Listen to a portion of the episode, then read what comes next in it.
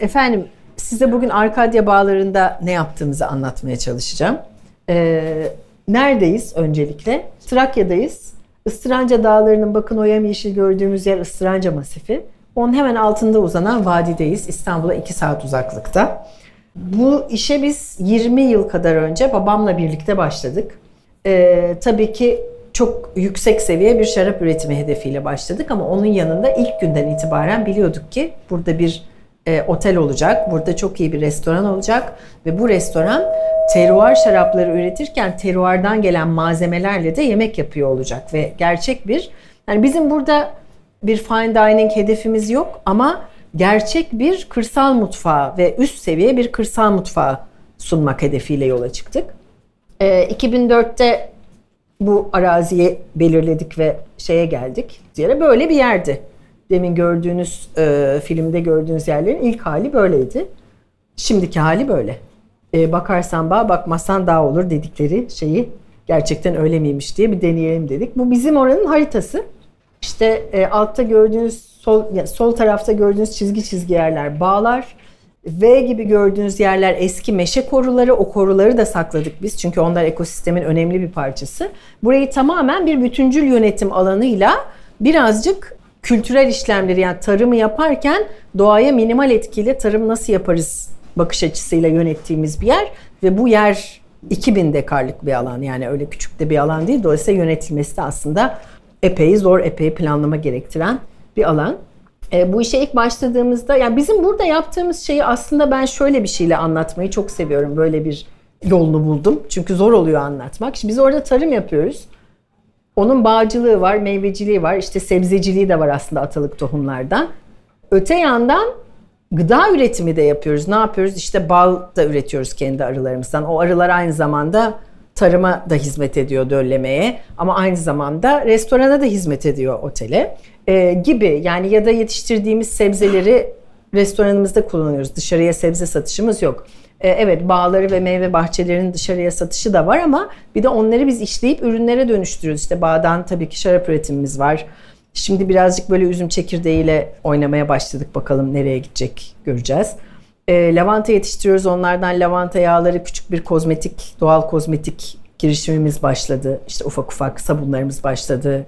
E, efendime söyleyeyim işte yüz yıkama jelleri, deodoranlar falan çıkmak üzere. Yani böyle bir ama her şey buradan çıkanla. Yani biz bir şey alalım, satalım, bunu çok miktarda yapalım değil. Her şey sürdürülebilir ölçekte ve buraya ait olmak üzere yap, yapılan bir iş. Gıda üretiyoruz, şarap üretiyoruz, turizm yapıyoruz. Turizm yapıyoruz ne demek? Bir otelimiz var. Ama biz otelden önce de burada öğlen yemekleriyle aslında e, misafir ağırlayarak başladık bağda. E, daha sonra otelimizi kurduk. Şu an işte 27 odalı bir butik otelimiz var. Onun da 100 kişi kapasiteli bir restoranı var. E, dışarıdan gelen misafirleri de ağırladığımız için. Bununla ilgili ayrıntılı bilgi almak isterseniz otel müdürümüz Eren Bey de burada. Rabia Şef de zaten dediğim gibi ilk başından beri burada. Sohbetten sonra kendileriyle de her türlü soruyu sorabilirsiniz eğer süre yetmezse.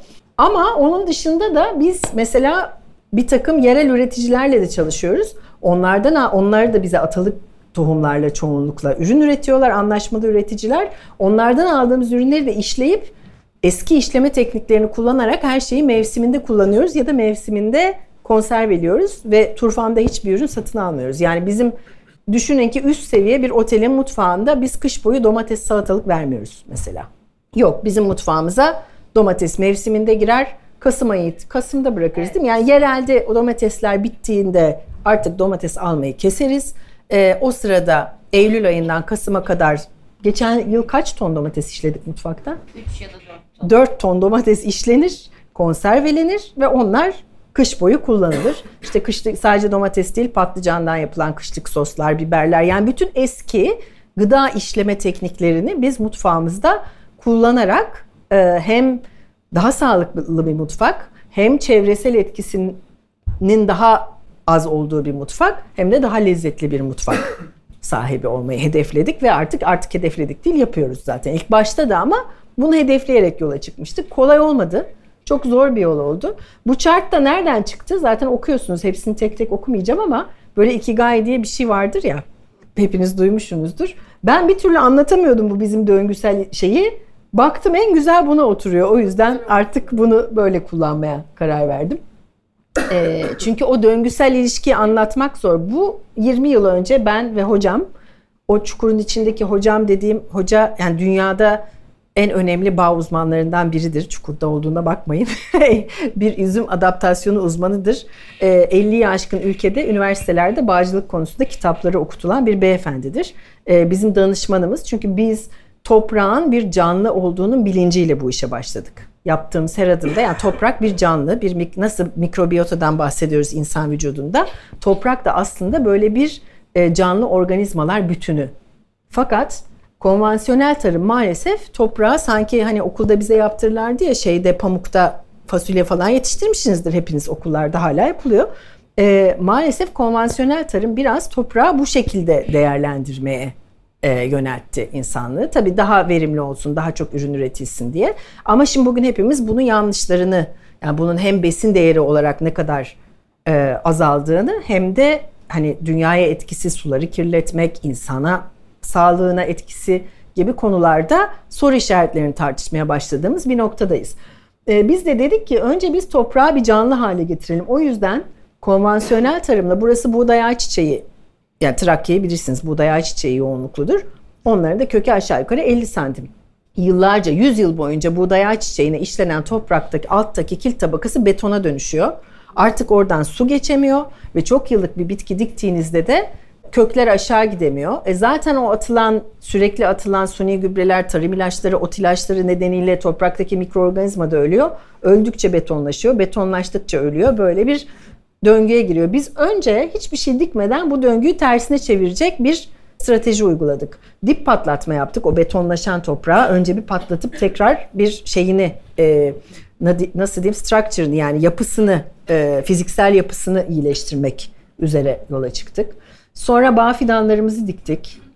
Ondan sonra işte bu da dikim şeyi böyle bir makineli dikim yaptık. Sonra onları büyütmeye başladık. E, ve bu süreçte de toprağa hiç suni gübre ya da ot ilacı uygulamadık hiç. E, yani o ilk andan buraya 20 senedir bu bağlarda ot ilacı ve suni gübre görmedi bu toprak. Ayrıca da bir sürü bakteriler aşıladık. Yeşil gübreleme denen fi bitkisi, azottan zengin bitkiler diktik. Onları toprağa karıştırdık. Yani bu toprağın tekrar canlı hale gelmesi için bir program uyguladık. Hala da uyguluyoruz. Yani bütün tarım stratejimiz toprağın canlı olması üzerine kurulu. Ee, çok da farkını görüyoruz. Yani hava fotoğraflarında dikkatinizi çekmiştir. Bizim alanın yeşilinin tonu geri kalan konvansiyonel tarım yapılan alanların yeşilinin tonundan farklı bir ton. Bunun da tek sebebi toprağın canlı olması. Bizde daha fazla su yok ama toprak canlıyken su tutma kapasitesi yükseliyor. Özellikle gelecekte yaşayacağımız kuraklık şu an herkes tarafından konuşulurken artık bu tarz tarıma doğru dönüşün bir gereklilik olduğu yavaş yavaş anlaşılmaya başlandı. Ama tabii her şeyde olduğu gibi dönüşüm zaman alan, zor kabullenilen bir şey. Ee, konvansiyonel tarım birazcık antibiyotikle çocuk büyütmek gibi. Yani çocuk her hastalandığında, her öksürdüğünde antibiyotik verebilirsiniz. Ee, ya da biraz kendi bağışıklığı üzerine işte bağırsak florasını zenginleştirelim, işte D vitamini verelim, ne bileyim ben ya atıyorum vitaminin adını. Vitaminlerle destekleyelim, güzel beslensin destekleyelim ve ona göre de bağışık olsun diye bakarsak aslında daha güçlü bireyler yetişiyor. İşte toprakta da aynı böyle, bitkide de aynı böyle. Yani bu toprağı güçlendirdikten sonra biz aynı şekilde bitkinin bağışıklığını da güçlendirecek. Mesela çok bakteri kullanıyoruz biz. O faydalı bakterileri Aynı nasıl şimdi herkes probiyotik içiyor ya tarımda da böyle bir şey var. Aslında bitkiye ve toprağa faydalı bakteriler var. Onlar bir takım zararlı bakterilerle savaşıyor ve siz ilaç uygulamadan ve hiçbir kalıntı bırakmadan o şeyleri aşabiliyorsunuz o süreçleri. Biz böyle bir program uyguluyoruz. Tabii bunu bir takım danışmanlarla, eksperlerle dünyadan know-how alarak uyguluyoruz. Hani kendimiz internetten okuyup yapmıyoruz elbette. E, bu da bir bilim çünkü ve sonucunda da böyle pırıl pırıl ürünlere ulaşabiliyoruz.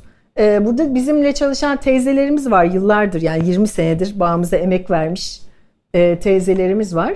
Onlar elle topluyorlar yani bağda 200 küsur gün insan çalışıyor. Elle dokunuluyor o asmaların her birine yaprak yönetimi için, yaprak azaltmak için, onların işte şeyini açısını düzeltip tellerin arasına sokmak için bir sürü sebepten bağa dokunmanız gerekiyor. Çok emek yoğun bir iş. Ondan sonra üzümler toplanıyor, işlemeye gidiyor. İşlemeye gittiğinde de bakın elle her bir ya o ürünün içine girecek her bir üzüm tanesi bir kalite kontrolden geçiyor. Uygun olmayanları ayrılıyor. Bu da onun aşaması. Ve şöyle bir yerde tam bağın içinde kurulu bir e, şaraphanemiz var. Orada da üzümler işleniyor. Biz buraya gelirken bu bölgenin tarihini bilmiyorduk. Bu eski bir harita. Okuyabiliyor musunuz bilmiyorum ama o sarı boyalı alan bu eski haritada bizim bağlarımızın ve ya ben bağ diyorum ama aslında Arkadya bir e, nasıl diyeyim bütüncül bir ekosistem. Yani Arkadya ekosistemi e, bağıyla, meyve bahçeleriyle, işte turizmiyle, insanlarıyla, oradaki meşe korularıyla, yabani bitkileriyle ki biz yabani bitkilere de bir yaşama alanı bıraktık mesela. Otilacı atmadığımız gibi bazı parselleri dedik ki burada sadece endemik yabani bitkiler yaşayacak. Çünkü ekosistemi buna da ihtiyacı var. Yani bu alanlarının tamamıyla bütüncül bir ekosistem burası. İşte bu sarı alan bizim Arkadya ekosistemimiz. E, hatırlarsanız deminki haritada sol taraftaydı. Yani böyle ince uzun şöyleydi. Bu sarı alanı böyle düşünün aynı şey. Ve onun sol tarafında çizgi çizgi bağlar vardı. Biz toprak analizleriyle bu 2000 dönümün içinde aşağı yukarı 500 dekarlık bir alanı bağ alanı olarak ayırdık. Bizim seçtiğimiz o şey taraf yani güney taraf bakın bağlık yakası eski ismi eski bir haritadaki ismi kırmızıyla altı çizili. Ben bu haritayı gördüğümde şok geçirdim. Çünkü bölgenin tarihiyle ilgili hiçbir bilgim yoktu. Meğer burası milattan önce 5. yüzyıldan Balkan Savaşı'na kadar yani bütün Osmanlı boyunca da çok önemli bir e, bağcılık ve şarapçılık bölgesiymiş. Ta Odrise Krallığı, eski bir Trak Krallığı döneminden burada zaten her yer bağymış. Evliya Çelebi yazıtlarında işte Kırklareli, Kırklareli'nin eski adı Lozengrad'mış. Üzüm şehri demek. Ve Evliya Çelebi işte bağların içine bir atlı girdiğinde üç gün çıkamayacağı şehir gibi anlatmış. Bunların hepsini buraya geldikten sonra öğrendik. Aslında yaptığımız şey en basitiyle e, bilimsel yöntemlerle tarihi tekerrür ettirmek olmuş. Onu da anlamış olduk. Aslında yeni bir şey yapmamışız yani ama bilim o tarihi doğrulamış ve tekrar enteresan da bir şey oldu. Biz bu tarihi bilmiyorduk. Gerçekten toprak analizleri, hava durumu istatistikleriyle bu alana vardık. E, bundan sonra bu tarihi öğrenince şunun da farkına vardık ki 1900'lerin başında işte Balkan Savaşı arkasından Birinci Dünya Savaşı tabi burası bir sınır ili. Sınır ili tahmin edersiniz ki savaşlarda çok yıpranmış bir il. Hani sınır çünkü. E, çok savaşlar geçirilmiş. Göçler olmuş yani nüfus değişimi olmuş. E, savaş bir sürü işte Birinci Dünya Savaşı tabyaları var Kırklareli'nde gidip ziyaret edebiliyorsunuz. Dolayısıyla e, maalesef üretim sekteye uğramış. Çünkü yani tarımsal üretim, bu tür üretimler genelde biraz e, iş gücü istiyor ve politik stabilite istiyor. Çünkü hani korkmadan gidip çalışabilmen gerekiyor. Bütün genç nüfus savaşa gitmiş. Gitmeyenler işte yer değiştirmiş vesaire. Ve biz burada aslında Türkiye Cumhuriyeti'nde kurulu, yani bir yüzyıl ara vermiş buradaki bu bağcılık kültürü. Biz burada kurulu ilk üretici olmuşuz Türkiye Cumhuriyeti'nde 2000'li yıllarda buraya gelerek böyle de bir enteresan şey oldu. Biz ilk iyiydik. Bugün 8 üretici var ve gittikçe de artıyor. Yani bu teruarın ne kadar özel bir yer olduğunu anlatmak için. İşte bu yaptığımız işler 2004-6 arası toprağı hazırladık. Mart 2010, 2006'da bağları diktik. Yani bağları dikmeden önce bir iki yıl çalıştık biz bu toprakta ki bu toprak tekrar canlansın diye. Hiç bağ, meyve, hiçbir şey dikmeden önce. Ee, ondan sonra ilk hasadımızı 2009'un Eylül'ünde aldık. 2010'da ilk ürünlerimiz piyasaya çıktı.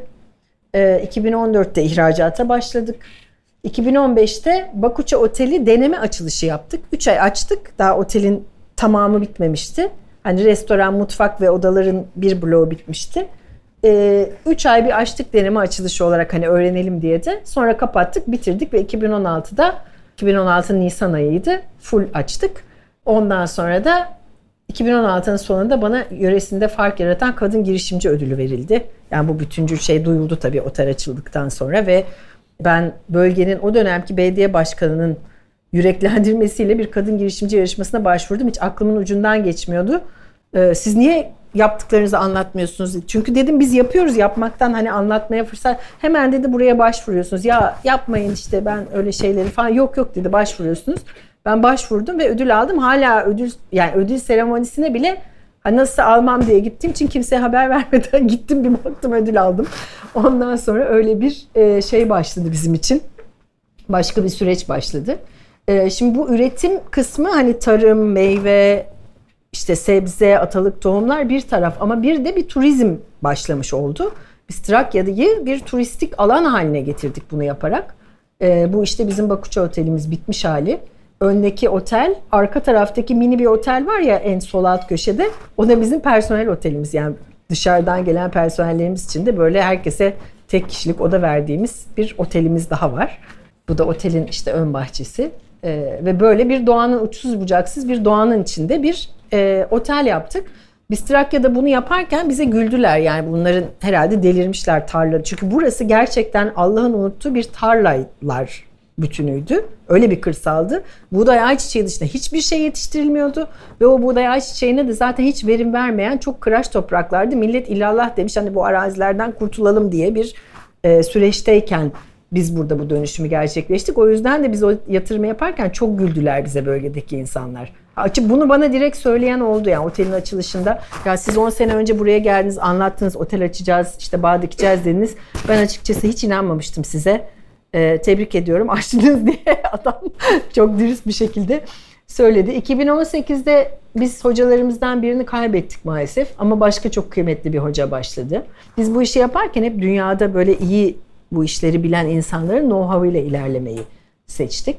E, çünkü biz bir şey icat etmiyoruz. Sadece bir bilgiyi kendi şartlarımıza uyarlamaya çalışıyoruz. Orada da iyi yol gösteren birileri olması çok iyiydi. Daha çok tarımdan bahsediyorum burada.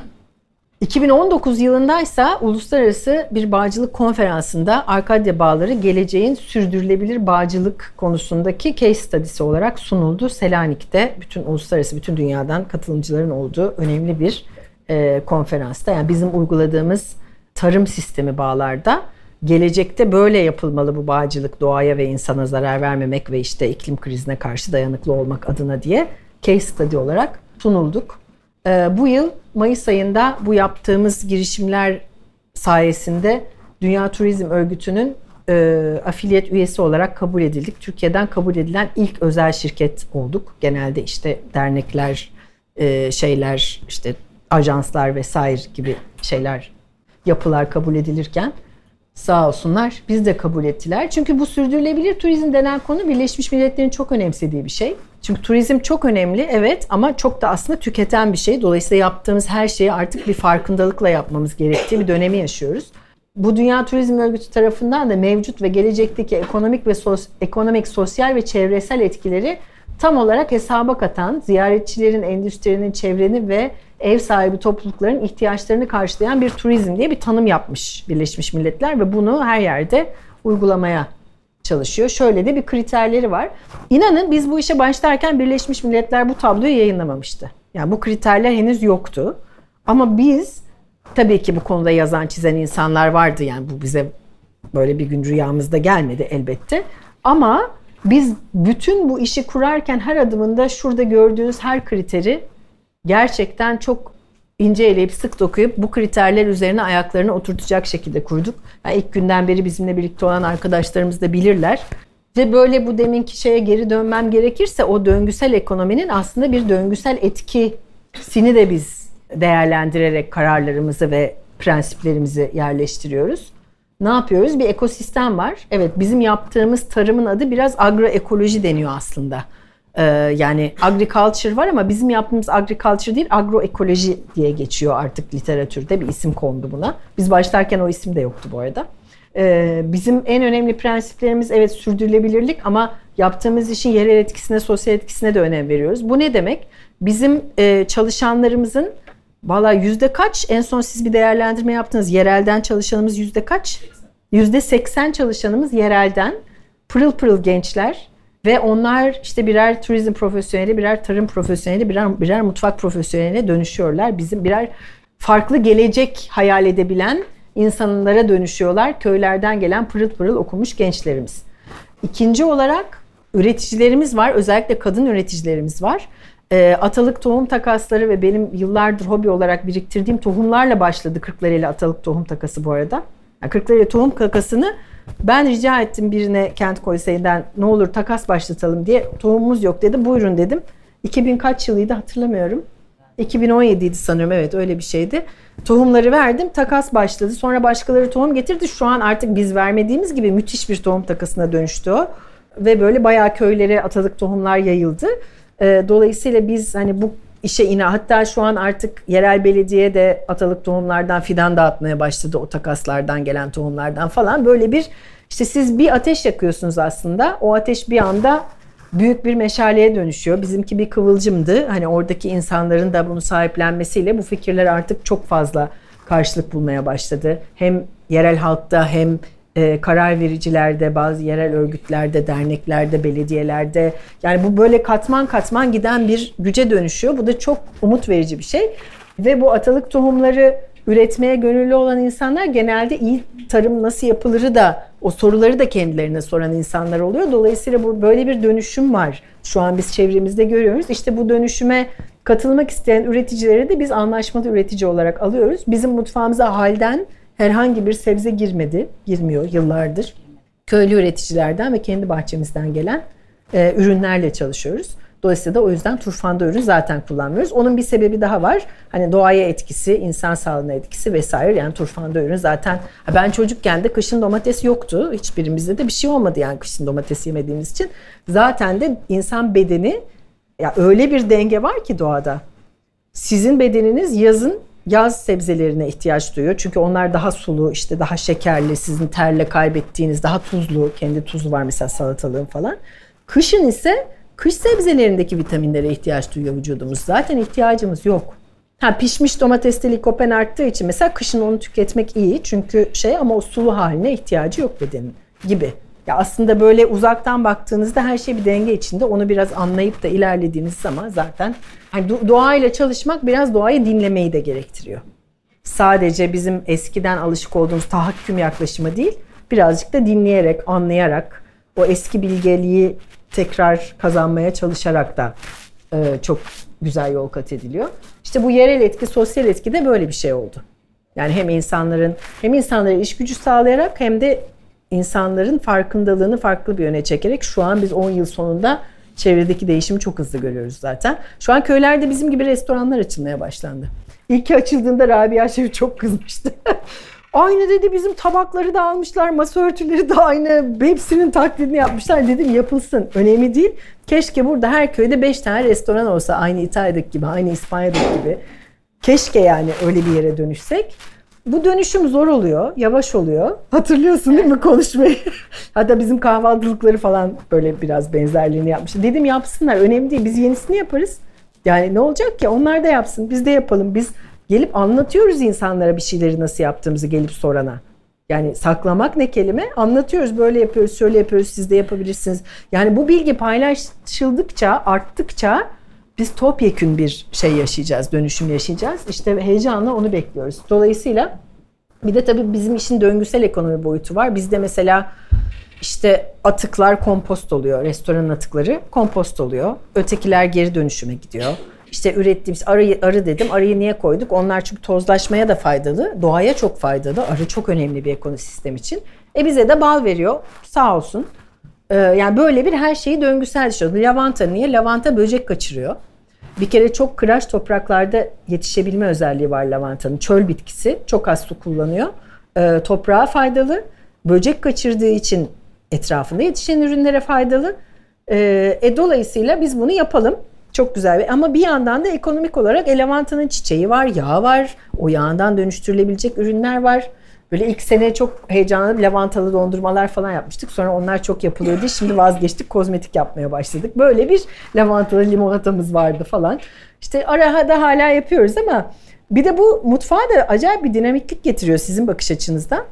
Ee, çünkü o hafta ne varsa güzel o haftanın menüsüne onlar giriyor. Yani bizde şey yok. Bizim menümüz budur, taşa yazıldır diye bir şey yok. Ee, şimdi oraya geleceğiz zaten. Biraz geneli anlattım. İşte bunlar da bizim ekibimiz, arkadaşlarımız böyle şey başka canlılarla da birlikte yaşıyoruz. Bu da otelimizin girişi böyle bir ufak bir masal şeyi, masal şatosu şeklinde bir şeyimiz var. Bakın bu hava fotoğrafında bizim arazinin nerede bittiğini ben görebiliyorum yeşilin tonunda. Eminim siz de görebiliyorsunuz. Arkada da sırtımızı yasladığımız ıstıranca dağları. Çok bizim için kıymetli. Bir de şunu söylemek isterim. Sürdürülebilirlik çok boyutlu, çok katmanlı bir şey. Bu ara çok konuşuluyor. Hani bir ara şey dendi işte bütün mutfak atıklarını bir şeye dönüştürüp yiyelim. Hayır öyle bir şey değil. Sen o kabuğu yenecek cipse dönüştürürken yaktığın elektriği de düşünmek zorundasın. Yani o böyle çok yönlü düşünülmesi gereken bir şey. Ama işte her şey ilk başta biraz yanlış anlaşılıyor. Sonra o dönüşüm yani evet kullanılabilir kısımlarını kullanalım, öteki kısımlarını kompost yapalım. En azından hani onun harcadığı elektriğe değmeyecek çünkü karpuz kabuğundan cips yapmak gibi. Hani ya bunu örnek olarak söylüyorum da bu farkındalık hepinizde vardır diye tahmin ediyorum. O yüzden paylaşmak istedim.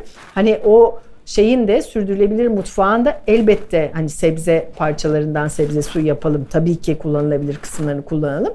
Ama bazen de bir şeyleri çok abartmadan yapmak ve bir bütüncül bakışla yani tek hedef onu kullanılır hale getirmek değil, onun bütün etkisiyle yani benim onda kullandığım su, elektrik bunların çevre maliyeti nedir? Yani maliyet sadece maddi bir maliyet değil artık bizim bu neslin bizlerin bu farkındalığı çok kazanmış olmamız lazım. Her şeyin bir çevre maliyeti var. Giydiğimiz tişörtün, aldığımız çorabın her şeyin bir çevre maliyeti var. Yaptığımız seçimlerde o çevre maliyetini gözeterek yapmalıyız. Özellikle mutfakta. Ee, işte o yüzden bizim sürdürülebilirlik anlayışımız e, biraz daha farklı gelişiyor ve biz güneş enerjisi santrali yaptık. 500 kahve aldık. Bakın şurada sağ köşede görüyorsunuz. Sağdaki karenin üst köşesinde. O 500 kahve aldık güneş enerjisi santralinde biz üretimde ve mutfak ve otelde harcadığımız elektriğin yıllık iki katını üretiyoruz. Fazlasını da sisteme veriyoruz. Dolayısıyla böyle bir de hani bu yaptığımız işi sürdürülebilir enerjiden enerjisinin büyük kısmını desteklemiş oluyoruz. Elektrik enerjisinin tamamını ama hani başka tabii enerjilerde kullanılıyor gaz vesaire gibi. Onlar sürdürülebilir değil ama işte onu da fazla elektrik üreterek dengelemeye çalışıyoruz. Burası otelin bir fotoğrafı işte mevsiminde böyle bir yer var. İnanın köyde böyle bir gelincik tarlası hiçbir yerde yok. Yani e, bizim dedim ya endemik çiçek alanları bıraktık vesaire diye. Bazı çiçekleri köyün çocukları diyor ki ya ben doğma büyüme buralıyım. Ben bu çiçeği hiç görmedim diyor. Göremezsin çünkü oraya düzenli olarak sürersen, oraya düzenli olarak ot ilacı atarsan o çiçeklerin hiçbirini göremezsin. O toprağı canlı hale getirirsen insan gibi insanın potansiyelini ortaya çıkarabilirsin. İnsanı ezerek böyle bir robotlaştırabilirsin. Bizim tarım şeklimiz işte o robotlaştırmaya doğru gitmiş haklı sebeplerle gitmiş. Kimse bunu kötülükten yapma, yapmamış. Daha verimli çalışalım, daha gıda ucuzlasın diye yapılmış. Ama şu noktada artık bunun bir ince ayarını yapmak zorundayız biz. Yani hem insanları doyuracak hem şimdi biz doğayı koruyoruz diyoruz ya biz doğayı falan korumuyoruz. Büyük bir kibir. Doğa insanı umursamaz bile. Doğa hayatına devam eder yani bizim o kadar küçük ki varlığımız burada. Dolayısıyla biz aslında insan ırkının geleceğini koruyoruz. Doğayı falan korumuyoruz. Yani insan ırkı olarak kendi geleceğimize yatırım yapıyoruz. Bunu bu bakışla anlamak daha aslında farkındalığımızı arttırıyor diye düşünüyoruz. Yani burası da böyle bir her sene bize bir hediye veriyor. İşte doğaya siz adım attığınızda o size çok daha büyük adımlar atıyor. Karşılıklı bir ilişki bu. Böyle güzellikleri de hayatınıza katmış oluyor. Şimdi biz topraktan tabağı yapıyoruz dedik. Bunlar gerçekten bizim yani fotoğrafların çoğu Rabia şef çekti. Sadece çok iyi bir şef değil aynı zamanda iyidir de fotoğrafçılığı da. Sağ olsun. Çok güzel de şey yapar böyle arşivler. Çünkü biz bunları tutmak istiyoruz. Bu ekmekler bizim kendi unumuzdan yaptığımız, kendi cevizimiz, kendi domatesimiz, kendi üzümümüzle fermente ettiğimiz ekmeklerimiz. Yanındaki bal arılarımızın balı. Yanındaki bizim bostandan gelen farklı domatesler, salatalıklar. Aşağısı yerel e, tüber astevium, trüf mantarı, yaz trüfü bizim bölgemizde çıkan. Böyle bir restoranda bu, yani bunların hepsi bize geliyor. Efendim?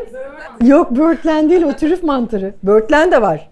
Böğürtlen yok değil var. Onları da çok kullanıyoruz ama o trüf. Ee, bu astevium yaz trüfü bizim kış trüfümüz de var. Biz Türkiye'deki ilk kış trüfü üreticisiyiz kendimiz. Onu kültive ediyoruz. Asteviumları doğadan topluyoruz. Bakın böğürtlen ahududu.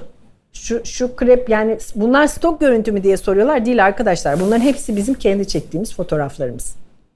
Hiçbiri yani bu, bu sunumda bir stok görüntü yok. Bunların hepsi arkada da çekilmiş fotoğraflar. İnanması güç hiçbirimiz böyle koca bir sepette framboaz görmüyoruz çünkü artık. Ya biz bile görünce kendimiz topluyoruz. Sepeti görünce biz de heyecan. Aman Allah'ım harika falan diye. Bu böğürtlenlerin bir kısmı şey aşılı böğürtlenden bir kısmı da doğal böğürtlenden. Ya o kadar çok doğal böğürtlen var ki onları çoğalttık biz. Hafif böyle şeye toplayıcılığa da biraz dokunuyoruz ucundan ama tabii yani toplayıcılık yetmiyor kültivasyonda mutlaka gerekiyor. Ya da o yabani böğürtlenleri suluyoruz mesela. Onlar daha çok veriyor falan öyle şeyler yapıyoruz. Ee, sonra böyle işte bu ekmek de yani Rabia'nın yaptığı bir ekmeğe bakıyoruz. Stok görüntü değil. Yalnız yandaki de bizim buğday tarlası. Atalık İki tane buğdayımız var. Kızılca buğday ve sarı buğday. E, bu ikisini biz yetiştiriyoruz. Şahman buğdayı yetiştiren bir kadın üreticimiz var bölgede. Onu da ondan alıyoruz. Onu istesek yetiştiririz, yetiştirmiyoruz. Çünkü bu döngüsel ilişki önemli. Yani bunu yetiştirme niyeti olan insanı desteklemek zorundayız ki o da yetiştirmeye devam etsin. Yani bu işler böyle ve biz köylülerle isteyenle buğday paylaşıyoruz. Ee, yani henüz çok fazla bizim gibi cengaver çıkmadı ama yani biz bu buğdaylara 3 o kadın girişimci ödülünü aldığımda gittim ben Mustafa Alper Ülgen'i duymuşsunuzdur. O bayağı bu biyoçeşitlilik konusunda çalışır. Sizler belki duymuşsunuzdur. Gittim ondan 3 çuval buğday aldım ben. O 3 çuval buğdaydan bugün biz işte 3. cins olmadı. 3. aldığımız cins sonuç vermedi. Ona devam etmedik. İyi sonuç veren iki cinste bugün 10 ton yıllık buğday alıyoruz ve bütün unumuzu ve her şeyimizi. Bu buğdayları buğday olarak da kullanıyoruz mutfağımızda. Buğdayı bin bir şekli soktuk. Yani neler yaptık inşallah bir gün gelirsiniz konuşuruz. Ee, sürekli bir arge var mutfakta. Yani bu buğdaydan başka bu malzeme başka ne olur? Çünkü tadı var bu malzemenin. Yani satın aldığımız buğdayda olmayan lezzetleri var bu eski buğdayların. O lezzetleri biz nasıl bu mutfakta daha iyi ifade ederiz diye bir sürekli de argemiz var. Ee, aynı zamanda da unlarımızı yani hem tam buğday hem şey. E, biri makarnalık sarı buğday, diğeri de ekmeklik buğday. Şahmanı da biraz daha pasta, kek, hamur işi falan biraz gibi şeylerde kullanıyoruz. Çok parfümlü bir buğday. Evet. evet. Öyle bir un. Evet, bayağı lezzetli bir şey de öyle aslında. Kızılca da fena değil. Evet. Biraz daha yumuşak bir un. Evet. Yani biz onu bir de o malzemeyi şekilden şekile nasıl sokarız? İşte bundan başka ne yaparız falan gibi de sürekli bir eğleniyoruz. İşte bunlar da böyle şeylerimiz. Ee, bu da bizim kış trüfü. Topraktan çıktığı gibi ondan sonra da kendi unumuzdan yap. Yani şunun içindeki bir tek kremayı biz yapmıyoruz. Bir ara yapıyorduk ama süt tedariğinde çok sorun yaşıyoruz. Dolayısıyla onu alıyoruz yerel mandıralardan. Onun dışında yani kremayı ve peyniri biz yapmıyoruz süt ürünlerini. Onun dışında o tabaktaki her şeyi biz yapıyoruz. Yani yerel Onları da yerelden tedarik etmeye çalışıyoruz. Evet. Mümkün mertebe yani e, bizim üretmediğimiz şeylerin de yüzde sekseni yerelden tedariktir. Yani nohut da dahil mesela yerelden tedariğe. Yani böyle katman katman gidiyor anlatabiliyor muyum? Şey tabii ilk gün böyle başlamadık biz. Daha az yüzdelerle başladık. Yavaş yavaş yavaş yavaş üstüne koyarak. Bu bitmeyen bir şey. Bu porcini mantarları mesela bize geliyor. Çünkü bölgede çıkıyor. Bazı sene hiç çıkmıyor. Çıktığı senede böyle geliyor mesela işte 40 kilo porcini var diye bir telefon geliyor gel gel diyoruz falan onları kendimiz kurutuyoruz ediyoruz. Bu havuçlar işte tohumu bir yerlerden bulmuştum ben zamanında kendimiz yetiştiriyoruz. Çünkü biz Trakya kırsalının ortasında şu havucu satın alamıyoruz yani alamayız. Hatta İstanbul'da da çok zor satın alıyoruz hatta çok pahalı falan yani bu böyle hiç ilaçsız doğal yetiştirilmiş böyle malzemeleri tabaklarımızda kullanabilmek için bu çiftçi görünümlü arkadaş aslında bizim su şefimiz. Okan şef o da mehsalıdır. Onlar bizim mutfağın işi böyle başlıyor sabah. Sabah gidiyorlar alıyorlar şeyleri topluyorlar. Orası seramız. Salataları falan yani kıvırcık o yandakilerde değişik salata türleri. O zaman ne yapabiliyoruz işte? Bizde mesela rahmetli diyeceğim artık şeylerden yedi kule bostanlarından artık çünkü yok onlar. Yedi kule bostanlarından kalma atalık yedi kule tohumu var sağ olsun Alp Şef paylaşmıştı bizimle. Tohum paylaşmak niye çok önemli? Biz hala o yedi kule tohumunu her yıl yetiştiriyoruz. O sadece iki hafta kullanabiliyorsunuz. Çünkü bir anda büyüyor, tohuma kaçıyor onlar. Öyle bir şey. Ama o yağlı marulu iki hafta bizim mutfağımızda yiyebiliyor insanlar gelip hala. Ve gerçek yedi kule yani şimdi yedi kule diye satılan şeylerden değil. Hakiki yedi kule bostanından gelme bir tohumu biz burada devam ettirebiliyoruz. Farklı mevsimlerde farklı salatalar farklı hep böyle 3-4 çeşit yeşilliğimiz oluyor ki şeflerimizin elini geniş tutalım. Onların yaratıcılığını besleyecek bir taban oluşturalım diye. Kabakları böyle İtalya'da çok kullanırlar çiçeği ve kabağı birlikte. Biz mesela böyle bir reçetemiz var. Bir reçetede bu şekilde kullanıyoruz. Bazı reçetelerde çiçek olarak kullan. Yani o şansımız oluyor. Çünkü tedariğimizi kendimiz yaptığımız için, yani kendimiz yetiştirdiğimiz ya da yetiştirdiğimiz için ben bunu böyle istiyorum. Şu zaman topla bu halde yap, bu tohumdan yap diyebilecek bir lüksümüz oluyor. Bir restoran için inanılmaz bir şans. İnanılmaz da bir zorluk tabii bir yandan da. Şey, bir şeyi ne kadar zorluğuna katlanırsanız o kadar aslında şeyiyle de e, ödülüyle de karşılaşıyorsunuz. Hayatta her şeyde olduğu gibi. İşte bunlar bizim armutlar. Bunlar ballar. O armutlardan mesela baharatlı bir armut reçeli yaptık. Yani şu anda talebe yetişemez durumdayız. E, yani bakalım bunu çünkü bir yere yaptırıyoruz biz. Bir şeye private label gibi birisi bize yapıyor. Artık kendi üretimhanemizi kuracağız herhalde onlar çünkü yetişemiyor artık. Öyle bir konumuz var. Bunlar işte bizim lavantalar. Arkada bakın oteli görüyorsunuz. Lavanta bahçesi, lavanta yağları. Böyle katman katman giden bir şey içerisindeyiz. Zor bir iş yapıyoruz ama yaptığımız şeye çok inanıyoruz ve bu yaptığımız şeyi biz gönülden yaptığımız için yapıyoruz. Yani bunun bir marketing değeri olsun. Bu işte artık çok revaçta gibi yapmıyoruz. Çünkü biz ilk bu işi yapmaya başladığımızda sürdürülebilirlik kelimesini kullanan insan yoktu. Bugün çok e, yaygın. Çok seviniyoruz. İyi ki yaygın. İnşallah çoğalır. Ama doğru anlayalım her kavramı. Yani her kavramın çok katmanlı, çok derinlikli, özellikle bu sürdürülebilirlik, ekoloji gibi kavramların çok katmanlı, çok derinlikli olduğunu doğru anlaşılması üzerine de bir e, sosyal sorumluluk hissediyoruz. O yüzden ben dilim döndüğünce bunu her yerde anlatmaya çalışıyorum. Sizin gibi gençlerin bunlarla ilgilenmesi de bana çok büyük bir mutluluk veriyor. Yani MSA gibi bir kurumda eğitim alan, bu kadar donanımlı, bu kadar işte yetenekli, böyle bir zor yolu seçmiş insanların bu konulara kafa yoruyor olması hepimizin geleceği adına bence müthiş bir umut ışığı. Dolayısıyla teşekkür ediyorum dinlediğiniz için. Evet çocuklar var mı sorunuz? Yani çehresini değiştirmeye başladığınız Trakya'nın e, çok büyük bir misyon. Hani hiç bakanlıklardan veya Avrupa Birliği'nden destek aldınız mı yoksa tamamen kişisel bir şey mi? Girişim mi? Şimdi önce ilk tarafını yanıtlayayım. Evet Trakya müthiş bir yer ve Trakya çok hatalar yapılmış bir yer.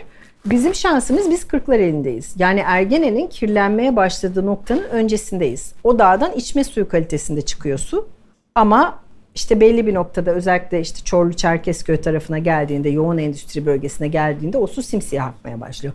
Biz hala içme suyu kalitesinde aktığı bölgede olduğumuz için şu an etkilenmedik ama bu şey demek değil yani e, tabii ki bir gemi batıyorsa direğinde durmanın kimseye faydası olmaz. Ama bizim yaptığımız işin şöyle bir dönüştürücü faydasına inanıyorum. E, Trakya çok büyük bir yer. Biz Trakya'yı dönüştürmek iddiasında asla değiliz. Okyanusta bir damla bizim yaptığımız iş. Ama işte bütün okyanuslar da damlalardan oluşuyor. Yani okyanusta bir damla olmak da o kadar etkisiz ve kötü bir şey değil. E, dolayısıyla biz o damlayı orada sabit tutup buharlaştırmayıp her şeye rağmen böyle bir böyle bir yöntem mümkün örneğini gösterdiğimiz sürece e, bunun gibi şeyler yapan insanlar da çoğalıyor. Trakya'da turizm var mıydı? Yani Trakya bundan 10 yıl önce turizm deyince işte yazlıklar, deniz kıyısı akla gelirdi. Trakya'nın kırsalında bir turizm var şu anda. Trakya Bar Rotası diye bir oluşum var. Birçok iyi restoran açıldı. Birçok iyi e, otel açılıyor yavaş yavaş. Yani bizden sonra açılan birçok başka konaklama tesisi ve restoran var. E, halen bakir kalmış bizim olduğumuz yer gibi yerlerin öyle kalabilmesi ve ekonomiye aslında endüstriden çok daha da büyük bir değer yaratabileceği gerçeğini ortaya koymak da bizim kısmetimiz oldu diyelim. Ne, ne diyebilirim bilmiyorum. Tabii şey yani bu insanoğlunun şeyi kavgası yani dünya ile insanoğlunun yaşadığı çelişkiyi biz Trakya'da da aynı şekilde yaşıyoruz. Bazı yerlerde çok ciddi çevre sorunları var. Bazı yerlerde çok şükür hala bakir kalmış ve e, bunları yapmaya imkan veriyor. Trakya çok büyük bir alan yani Hollanda büyüklüğünde bir alan dolayısıyla onun içinden bir sürü şey çıkar. Ben zaten rica edeceğim Rabia Şef'in kısaca kendi yaptığı şeyi anlatmasını ve yeterli cevap olduğunu düşünüyorum.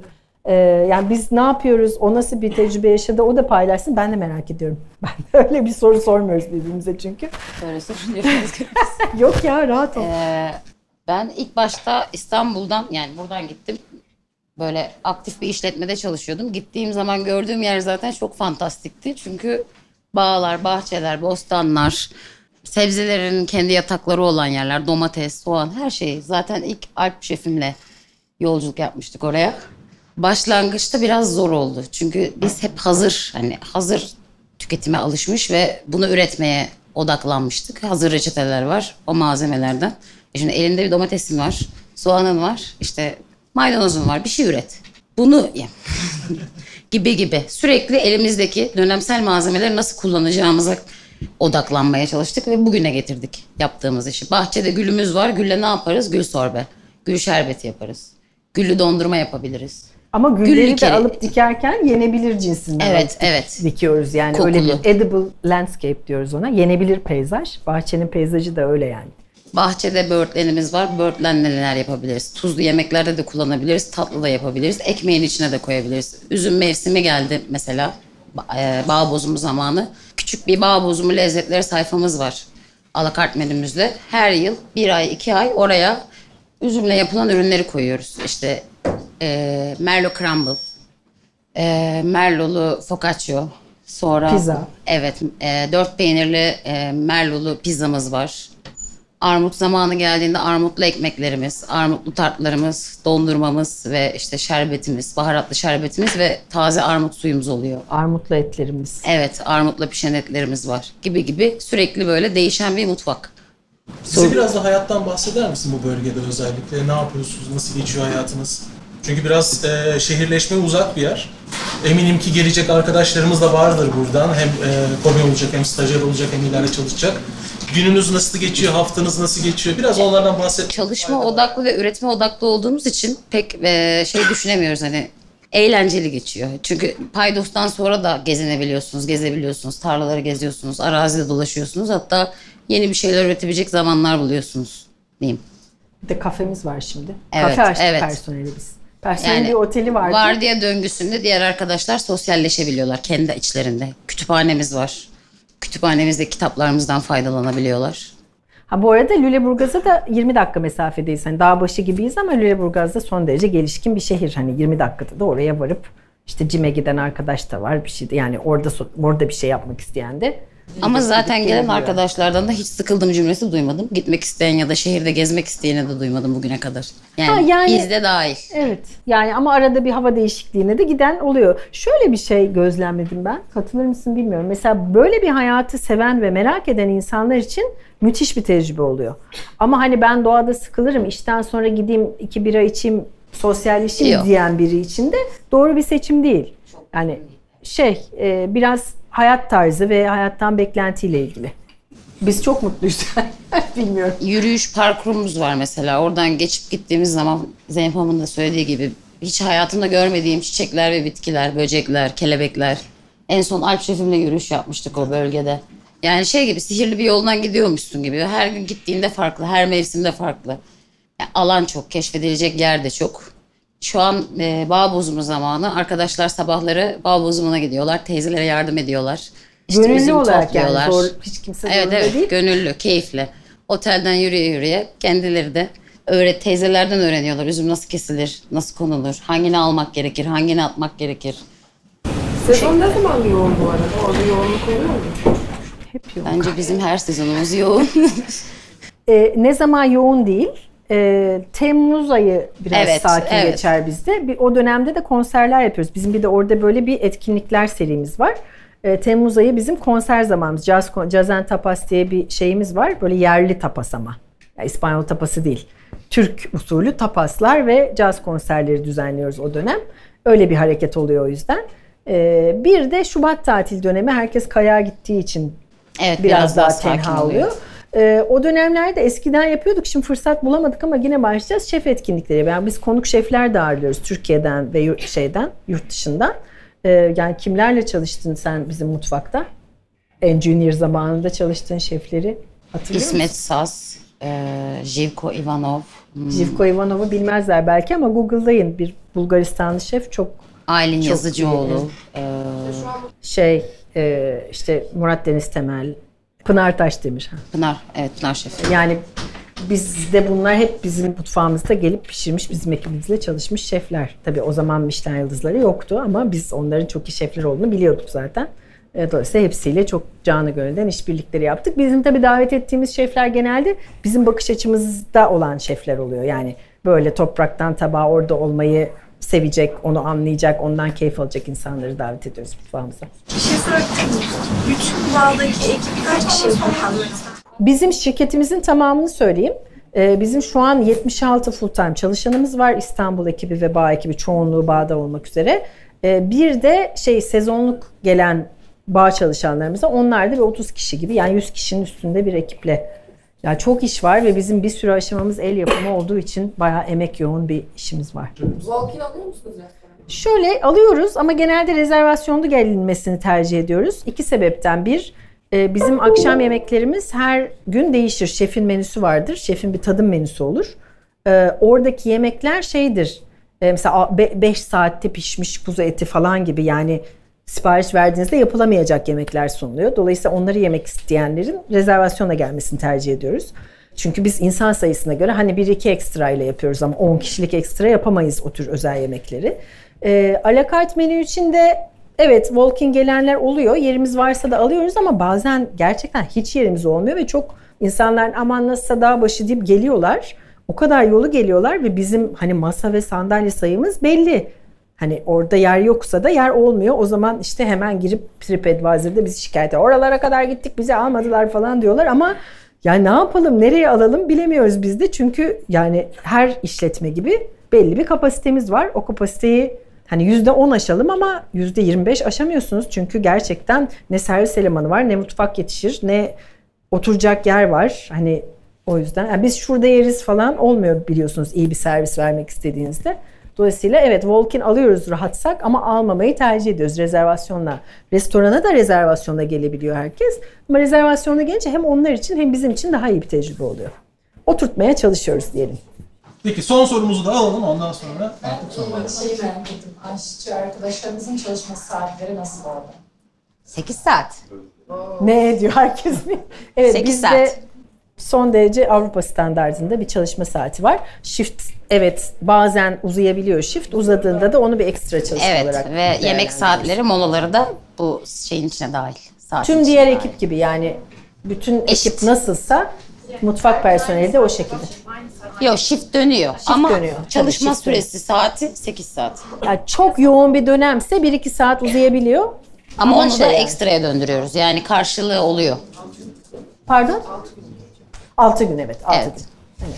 Ama yani öyle şey çok uzun saatler çalışılan bir şeye inanmıyoruz biz. Yani insanların için bir riskli bir iş yapılıyor, iki yaratıcı olması gereken bir iş yapılıyor.